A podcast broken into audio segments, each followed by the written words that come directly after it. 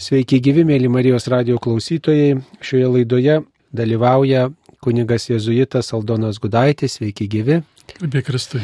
Per amžius amen norime šioje laidoje prisiminti gruodžio 19 mirusi Jėzuitą telšių vyskupą emeritą Joną Borutą. Taigi jūs taip pat, kunigė Aldonai, priklausote jezuitų draugijai, kuriai daug savo gyvenimo pašventė ir e, vyskupas emeritas Jonas Boruta. Tai galbūt pasidalinkite prisiminimai šioje laidoje, kada pirmą kartą sutikote, kokiom aplinkybėm, e, turbūt dar tuomet tik kuniga jezuitą Joną Borutą. Esu pats gimęs Prienų rajone, tuo metu, kai mes dar buvom jau vyresnio amžiaus moksleiviai. Žinau, kad Prienų klebonas kviesdavosi tuometinį kunigą Borutą dar slapta pašventintą, dar jis nebuvo oficialiai paskelbtas arba leistas tarybinių laikų valdžios. Ir vis tiek jį kviesdavosi pravesti atlaidus ir ypatingai būdavo tie atlaidai, kadangi mėgdavo klebonas užupis atlaidai, trijų karalių atlaidai. Ir žinau, bent tris kartais buvo atvažiavęs Borta per atlaidus pamokslaudavo. Tai mano kaip moksleivio jau vyresnio, po to po armijos, kaip e, vaikino, bent atsimindavo jo gilius pamokslus. Jie tuo met nebuvo tokie ilgi, kai vėliau jis paskui vyskupas tapo, nes žinau, kad tie daugam pamokslai šiek tiek vargindavo jo ilgi, nors be galo įdomus ir gilus, bet aš tik atsimenu tuose atlaiduose, tai mano pirmoji pažintis būtų kaip, net nežinau, kad jis jėzuitas kunigas, žinojau, kad, kad, kad slapta pašventintas, bet tokie pirmieji susitikimai. Po to, kai vėliau jau aš įstojau į, į pas jėzuitus, kadangi mano tokia kelionė, kad su broliu dvyniu mes nebuvom primti į seminariją vėl tų pačių tarybinių atstovų laikų, mes tada ieškojome, kaip mokytis slaptoj seminarijai pogrindžio ir ten tie pirmieji sustikimai su Borta buvo jau kaip, kaip su, su jėzuitu. Tokia ta mano pirmieji prisiminimai iš susitikimo su dabartiniu vyskupu jo amžinatilsį, tuo metu dar tik kunigu, slaptu kunigu vyskupu Jonu Borta. Iš savo artimųjų mano giminaičių tarp sesutė dar buvo gyva, aš žinau, kad labai mėgo eiti pas jį iš pažinties žmonės. Nes taip kaip ir pamokslė vyskupas Jonas Borta, taip ir iš pažintyje jis, jis pamokydavo ir visuomet šventų rašto kokią vietą vis paaiškindavo primindavo kokią citatą. Labai žmonėm tas tiko, kad tai nebuvo formali, formali išklausimas, bet e, aš pats kiek esu ėjęs pas į sakramento, tai yra visą laiką po šito sakramento buvo daug vilties, visuomet buvo ta besąlygiška Dievo meilė atskleista per sakramentą. Tai jeigu šiandien klaustų, tai kas buvo Jonas Borta, kaip vyskupas ar istorikas ir daug kitų galim pasakyti pogrindžio kunigas, bet aš taip pat pridėčiau nuoširdus išpažinčių klausytojas, žmonės mėgo pasėti iš pažinties. Minėjote, kad jo pamokslai buvo gana tokie ilgi ir tikrai dabartinis popiežius Pranciškus, kuris patarė kunigams sakyti trumpesnius pamokslus, turbūt e, nesutiktų su tokiu būdu gal ilgiau pamokslauti. Kaip manot, kodėl būdavo pasirinkęs tokį būdą gana ilgokai pamokyti žmonės? Istorikas, jo būdas toksai, jis istorija, pavyzdžiui, aš pats nesu istorikas, bet jį daugelis žmonių pažinojo, kad kaip labai gerą atmintį turintį žmogų. Ir aš esu nekarta tai patyręs, kai svečiai atvažiuodavo jėzuitai į Lietuvą, tai buvo gera turėti kunigą arba jau paskui vėliau vyskupą arba provinciolą pradžioj buvo Borta, nes tai mes sakydom vaikščiojantį enciklopediją. Jeigu eini per Vilnių, tai jis papasakos, ypač su jėzuitai susijusius įvykius įvairius, kiekvieną tą bažnyčią jis atsistos ir papasakos, gerai atmintį turėjo. Ir jau vėl tie pasakojimai įsamus, Ir aš manau, kad šitas jo būdas pereidavo ir į pamokslus. Lietuva tapo laisva, jis tuo metu kaip vyresnysis provinciolas mus jaunesnius jėzuitus siuntė į, į vairias šalis pastudijuoti, arba kaip jis sakė, jūs čia pogrindyje užaugę tos formacijos negavo. Ir va, už ką mes dėkingi esam, kad jis vėliau ir dirbdamas telšių viskupijoje, bet ir, ir mus jaunus jėzuitus visus jis surado stipendijas, išsiuntė į mokslus, pasimokyti daugiau, ar magistrą apsiginti, ar iš naujo patirti, kas ignaciškas dvasingumas. Tai yra dovana, aš pats per tai atsiradau du metus Austrijoje, Innsbruke ir, ir aš žinau, kad tai buvo be galo, be galo svarbus dalykas. Tai, tai tas klausimas, Sauliau, kodėl tokie ilgi, manau, iš jo, iš jo istorijos žinojimo nes jis atskirus elementus. Pro vieną važiuojam ir jis pasakoja, kaip čia kažkada ir lietuvių pulkai padėjo atremti prieš Europą turkus ordus, ne? ir jis tą pasakoja smulkiai, kaip čia lietuviai kažkur ten ant tų kalvelių prie vienos su savo pabūklais, kuo tenai padėjo apsiginti nuo invazijos turėjo labai daug žinių ir norėjo turbūt jas perteikti, kad taip, ir kiti, kurie taip. klauso, nu, praturtėtų tomis žiniomis ir patirtimis. Jis ir, ir kaip, kaip dėstytojas, kurį laiką, kai dirbo universitete, taip pat atsimena jį studentai kaip tą, kuris kalbėdavo daug, šiek tiek kartais prisimerkęs Kad niekas neblaškytų, neblaškytų ir jis, ir jis įsijautęs. Nu tai čia taip pat ir įtaka, da galbūt ignatiško dvasingumo, tas kontempliacija. Ar veikla kontempliacijoje. Indiferentiškumas, gal atsiriboti? Gal atsiriboti ir indiferentiškumas, bet pasakodamas tai, žinau, išgyvendavo. Ar ta istorija, ar taip toliau jis jas jautęs buvo. Pasirašydavo. Daugelį, daugelis išlikę jo pamokslų pasirašytų taip pat, bet ir ypač ant to rašto tekstus mėgdavo. Pavyzdžiui, vienas yra jo, iki dabar prisimenu, kaip jis Izaoko paima tekstą, Dievas norėjo, kad Izaokas būtų paukotas. Ir tada neįvyksta paukojimas ir sako, nes Dievas pasigailėjo. O savo sūnaus jis nepasigailėjo dėl mūsų tėvas, nes žmelės mums savo sūnų atidavė, kad būtume išgelbėti. Ta gerąją prasme, kad mūsų jis žmonelių pasigailis ir viską tai padaro, kad dėl žmogaus ir savo sūnų atiduoda. Ir, ir vis tokius momentus jie tokių užkabindavo, užkabindavo žmonės, net ir jaunus. Ar teko pasiprašyti kokio patarimo jezuitiško gyvenimo atveju, ar, ar pastoracijoje, ar kaip kitaip klausti pas jį, kaip turinti jau tokią didesnę, solidesnę patirtį? Neišvengiamai ne tik teko, bet ir buvo kaip, kaip pareiga klausti, nes tai atėjo laisvė. Boruto buvo tas, kuris pakeitė ilgametį pogrindžio provinciolą slaptą Joną Danylą kuris 40 metų išbuvo slaptų provinciolų ir jau tada jie buvo prasidėjęs senatvės dimencija mūsų vyresniajam jėzuitui ir tada iš Romos taip patvarkymas, kad Borta perima tiek naujokų magistro ir ypač dar slapta, da, kai pogrindį buvom, jis buvo tarsi naujokų magistras mums. Ir, pavyzdžiui, kai mokėmės seminarijoje, slapta mes kartą į mėnesį susikdom su Jonu Borta, pasiselė širdietės čia Lakūnų gatvėje, Darės ir Kirienų gatvė, vadinasi, Aleksotė, kuris mums įvairių patarimų darė. Arba jis buvo tas taip pat, kur, kurie nuspręsdavo mokytis pogrindyje, tapti kunigo, jis buvo vienas iš profesorių pas jį atsiskaitydavom, pas išmokę savarankiškai kokią nors kosmologiją ar fundamentalinę, ateidom pas jį. Ar buvo griežtas dėstytojas? Jis padėdavo išlaikyti egzaminą arba atsiskaitimą. Jeigu reikdavo kokį bakalaurą parašyti, jis daug medžiagos surinkdavo ir dar padėdavo. Jis buvo, nežinau kaip kiti studentai, bet mes bent kaip jėzus tai jį atsimenam, darydavo viską, kad žmogus pabaigtų, kad įveiktų. Ir kartais savo pastangom pabaigdavo bilietų atsakymą į savo iš. Tai aš jį tokį atsimenu, kad arba mano broli, žinau, bakalaura rašė apie šventai vieną jezuitą ir rado daug medžiagos ir padėjo parašyti, net kad ne, ne kad sažiningai, bet jo noras padėti studentą motivuoti. Tokį aš jį vis prisimenu, žmogus, kuris šviesus, kuris prisimdavo atsakomybės, kuris taip pat buvo pasiruošęs prisimti atsakomybę, kai ypač suėmė tuometį kuniga Tamkevičių dėl kronikos spausdinimo Borta buvo tas, kuris labai daug padėjo vėl rinkti medžiagą, arba buvo toks pusiau redaktorius, jis buvo tas, kuris vėl testinumą pratėsi kronikos žinių rinkimo. Ar, ar tuo metu jau žinojot apie tai, ar tik vėliau tai sužinojot, kad jis yra kronikos tas jau tesėjas, redaktorius suėmus Tamkevičių? Aš pats as, asmeniškai sužinojau, kad Borata kaip jezuitas kaip nors tik tai tapęs antro metų seminaristu ir kai reikėjo atlikti rekolekcijas, tada jau man supratau, kad jis ir jėzuitas. Tada aš supratau, kad, kad galbūt gyvenime, arba net ir mane tai viliojo, jeigu reiks kažkada nors, galbūt padėti kroniką leisti, jau, jau dalykai ateidavo, bet, bet taip pat Jonas Borota buvo atsargus. Pavyzdžiui, mes seminarijoje žinojom, aš savo kursę žinojau, kurie yra jėzuitai tie slapti, kitų kursų nežinojau, o jis visus žinojau.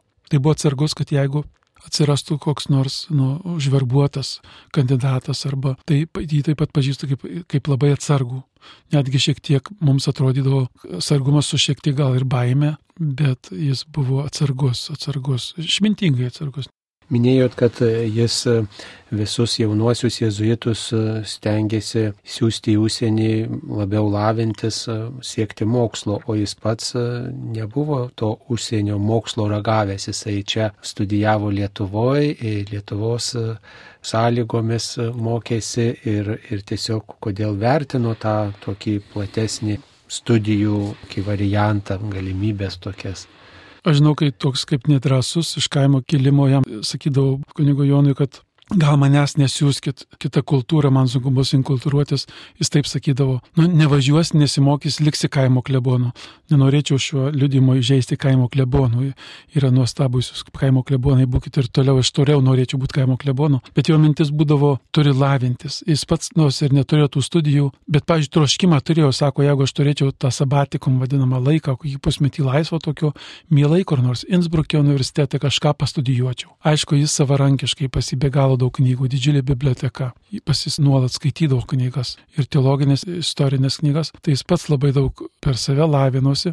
Be to, aišku, įtaka jezuitų, nekalbos nėra, kadangi Lietuva tapo laisva ir mes oficialiai pradėjom tapti Lietuvos jezuitų provincija, tai visos kitos provincijos, kurios žinojo mūsų tas pogrindžio sąlygas, kaip mes buvom formuoti, buvo irgi ragino tuo metinį jau jis, kai tapo provinciolo Jonas Borata, jezuitų, jis kartą į metus susitikdavo su, su kitais provinciolais kitų valstybių ir jie ragindavo, siūlydavo pagalbą, siūsk jaunuosius, siūsk, kad ir jūs pasiruoštumėt, pavyzdžiui, kodėl mane Innsbruką siuntė, kad turėtumėt savo naujokų magistrą, o bebūnant tenai, tegul pasimoko ko nors. Tai tada taip atsirado, kur tik priemės ir siuntė jaunuosius. Tiesiog, tiesiog aš neatsimenu kurio nors, kad jis neįsiųstų, jis drąsindavo, siūsdavo pasilavinkit, pasilavinkit. Mūsų, kaip žinot, mokyklos yra vienas iš svarbiausių pašlavimo jėzuitų. Jis tada sako, reikia jėzuitų siūsti, kad, kurie direktoriais bus, kad, kad nebūtų vien tik jėzuito vardas, o ir išmanytų vadybą ar organizaciją. Tai pats tą suprato ir be abejo jėzuitų kitų buvo raginamas kitų provincijų, kad jaunuosius formuok, formuok. Ir kaip sakau, vėliau jis tą tęsė ir tapęs vyskupu ypač telšių viskupė, kai bus atsakingas eilę kunigų ir jaunų žmonių įsiuntė mokytis į Romą ir kitur, ieškodavo stipendijų. Jam, jam tai buvo svarbu, kad žodis Dievo žodis būtų skelbiamas argumentuotai arba šviesiai arba ne vien tik tai paviršutiniškai.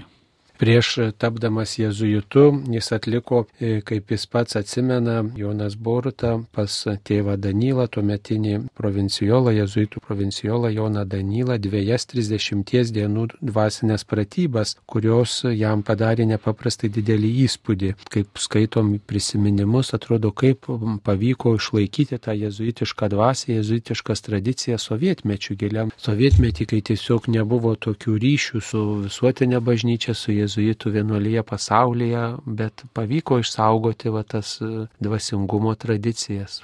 Išlikę buvo jėzuitų, ne visi jėzuitai žuvo ar, ar Sibirė mirė, tai vyresnioji karta prieš karinį kartą. Ir jie paliko raštus arba savo atliktų didžių rekolekcijų tokius užrašus paliko nebuvo tobulos tos mūsų rekolekcijos pogrindžio sąlygomis, pavyzdžiui, tiek Jonas Borat, tiek visi mes tik gaudavo medžiagą iš, ir, ir ją melsdavomės.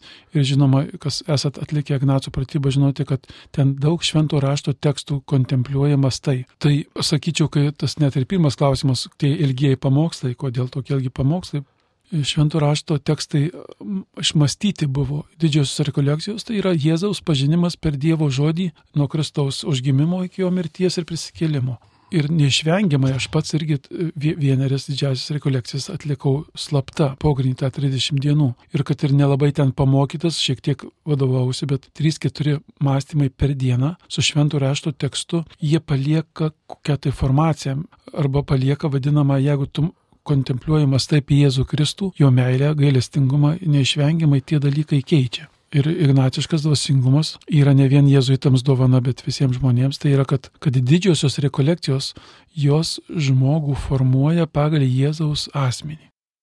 Net kartais to nesupranti kaip, bet jeigu skiri laiko ir kontempliuojamas, tai išvalgos, tai tie dalykai yra pagrindas ir jėzuito pašaukimo. Yra, Tai yra mūsų didžiausia formacija. Paskui vėliau įvairios studijos ar, ar asketiniai dalykai taip, bet, bet didžiosios rekolekcijos yra jėzuito, jėzuito identitetui svarbu.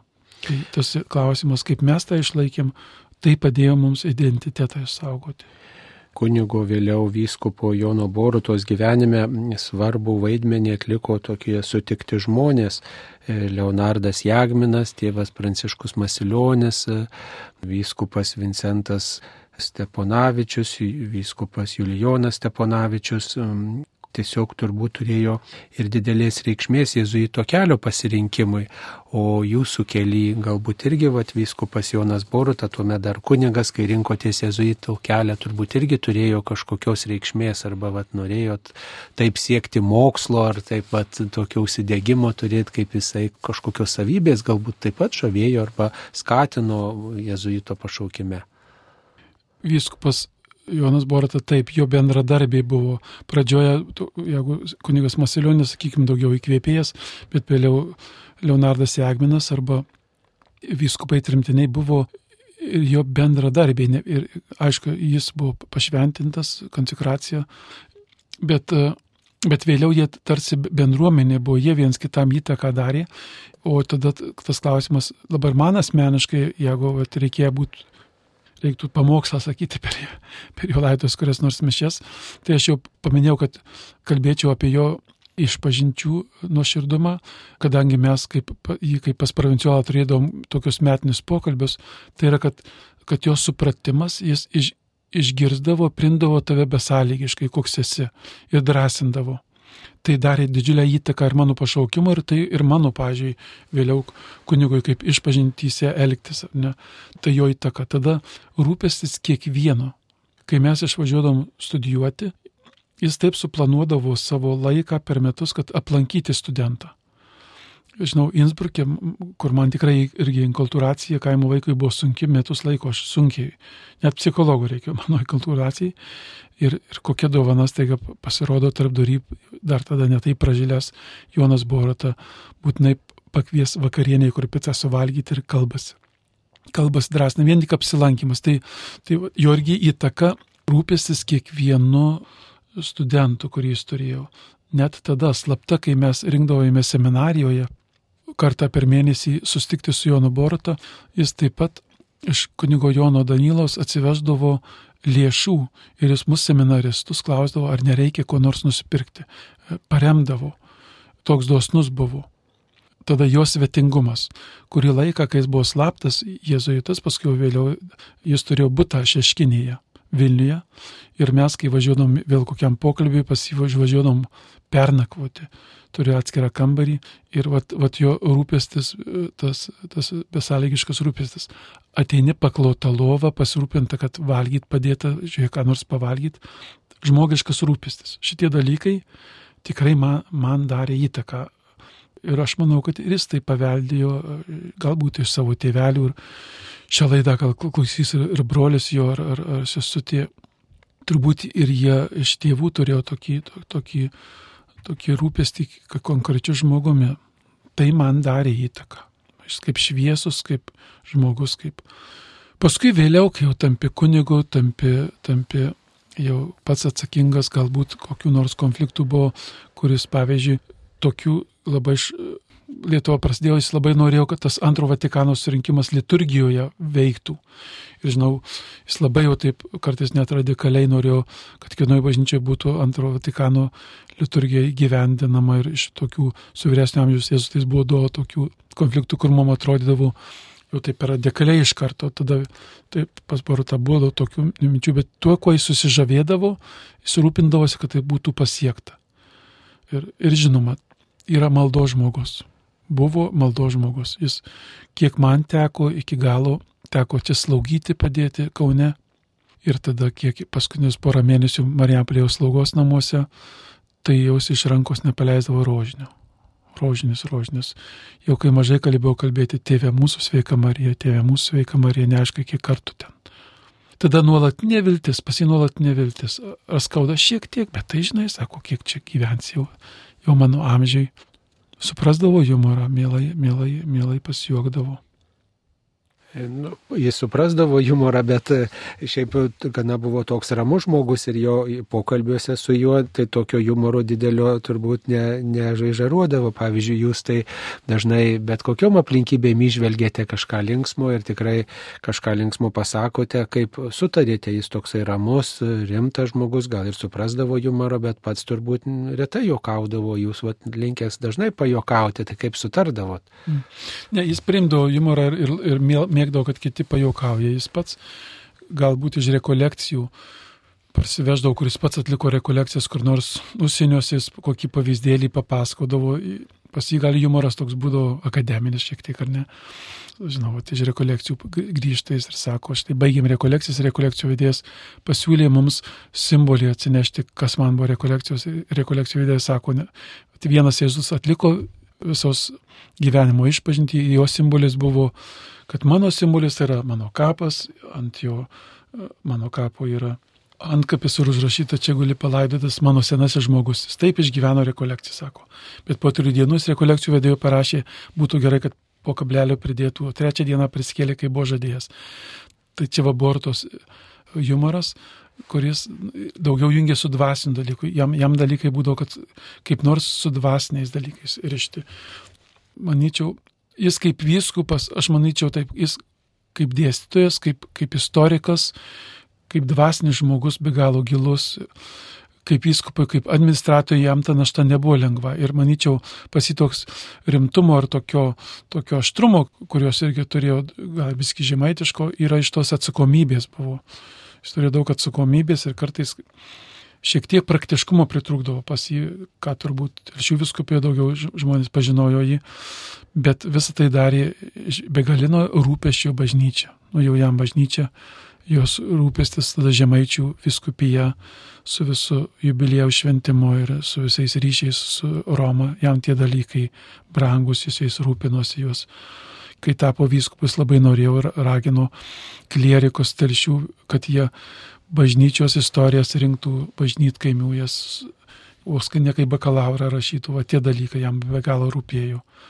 Tai Jis pats buvo daug skaitantis žmogus ir tikrai skubėjo skaityti, skubėjo domėtis įvairiomis rytimis ir ypač istorija, mm, o štai sulaukęs garbingo amžiaus jau netaip galėjo skirti laiko skaitimui dėl sveikatos, kaip jis išgyveno tą senatvę ir bendrai, kad negali skaityti, negali domėtis, taip kaip buvo įpratęs visą gyvenimą labai daug skaityti, šviestis ir, ir, kitu, ir kitiems apie tai pasakoti. Tai ar pergyveno dėl to, kad negali skaityti, ar, ar kažkaip liūdėjo dėl to, kad negali. Priemė senatvę, priemė suprato senatvę, e, tikrai priemė, bet to vėliau jau jam vyko ta dimensija, kuri, kur jau jam, aš sakyčiau, jau dimensija jam pradėjo, padėjo primti senatvę.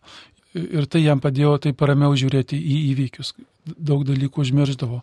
Kol suprato, jis priemė ne su kokiu nors e, nusiminimu ar pykčiu ar, ar kaip nors, bet e, pamaldumu mėgo senatvėje pažiūrėti televizorių, atsisėsti, pažiūrėti e, žinias kokias. Bet, bet po to progresavo dimensija, progresavo cukralygiai. Ir jis jau daug dalykų prieimė kaip, kaip, kaip ligonės, bet šalia jo kaip žmogaus nebuvo sunku, nes jis, jis e, šviesiai, pažiūrėjau, jeigu jam sakai, jis dar paklausdavo, jis padrasindavo, visada buvo dėkingas, jeigu aplankai. Tai e, susitaikė su mintimi, kad apie amžinybę dažnai pasakydavo, kiek, kiek tu čia gyvensi, sakydavo, ir tu net tiek gyvensi. Nu, taip labai ramiai, jam pajokadavo, kaip čia bus su dangum. A, jau ten viešpas pasirūpins, sako, su tuo dangum. Sakau, tėvelė, norit į dangų. Tai viešpas pasirūpins, čia, čia jo reikalas. Nebuvo taip, kad, pažiūrėjau, labai bijau pragaros, skaistyklos, labai noriu į dangų, sakydavo, viešpats pasirūpins, sako, čia man Taip, dangus nėra tai, kas man priklauso, tai dovana mhm. turbūt yra. Taip. Ir jis visą gyvenimą buvęs tokiu ištikimu kantriu bažnyčios nariu ir aktyviu vienuoliu, turbūt tą puikiai suprato, kad dangus tai Dievo dovana yra. Taip, ir, ir manyčiau, iš, iš, vėl iš tų pačių rekolekcijų, iš, iš mąstymo šventojo rašto ir, ir visi liturginiai tekstai, kuriuos mes skaitom, vis kalba visas adventas. Viešpatie, kad nesikiptume į praeinamosius dalykus, pamėgtume amžinuosius. Ir jeigu šventų raštu tą, tą visą apmastai, tu, tu, mes ruošiamės amžinybėj, juk mes ruošiamės amžinybėj. Šitie dalykai, kurie duoti žemėje be, be gal brangus, gamta, draugai, broliai, seserys, bet trapu, mes juos prarasime, neįsikabinkim kaip į Dievą, čia jau irgi jau O kaip žiūrėjo į besikeičiančią bažnyčią, besikeičiančią visuomenę, turbūt mm, vis tiek išgyveno dėl to, kas vyksta mm, visuomenėje, arba kažkas nepasiseka selovadoje, ar jezuitam kažkas netaip e, klojasi, kaip, kaip norėtų, arba kaip reikėtų, kad eitųsi, ar būdavo pokalbių šitom temom. Ir pamoksluose, ir visur kitur aš tik tai girdėdavau viltis, viltį tiek, kiek jie, ar dėl, dėl, dėl bažnyčios situacijos, ar dėl jezuitų situacijos, ar dėl to, kad koks nors kunigas paliko kunigystę, ar, ar, ar jezuitas išėjo iš jezuitų, nebuvo pasi nevilties, nebuvo pasi tokia krizė, kur kokia nors depresija arba, arba beviltiškumas. Ne, prileisdavo, kad Dievo apvaizda toliau rūpinasi. Aš jį tokį pažinau, nepasidavė nevilčiai nežinau kaip kiti žmonės, bet ir, vat, ir kalbu ir, ir tos paskutinės mėnesiai, metai jo prieš mirtį nevilties nebuvo. Nevilties nebuvo tiek, kiek jis e, proto suprato, pas jį buvo šypsena, pas jį buvo malda, pas jį buvo dėkingumas, tiek, kiek jis suprato. Mėly Marijos radio klausytojai, šioje laidoje šviesaus atminimo telšių vyskupo emerito Jono Borutos gyvenimą prisiminė jėzuitas Aldonas Gudaitis. Vyskupas Jonas Boruta mirė gruodžio 19 dieną ir laidojamas bus Žemaičių kalvarijoje gruodžio 23 dieną, penktadienį po 12 val. šventųjų mišių. Tegul Jono Borutos gyvenimas kaip vienuolio, kunigo, vyskupo pasišventimas bažnyčiai įkvėpia ir naujus pašaukimus, labiau atsiliepti Dievui, paskatina žmonės, kurie galvoja apie tarnystę ir apie įsipareigojimą. Viešpatie priimk savo tarną į dangaus karalystę ir tegul jis užtaria mus tėvo namuose. Dėkojam tėvui Aldonui Gudaičiui, kurį kalbino aš kuningas Saulis Bužauskas. Jonai, o mums žemėje padėk Dievę keliauti link amžinybės. Amen. Ačiū, sadėje.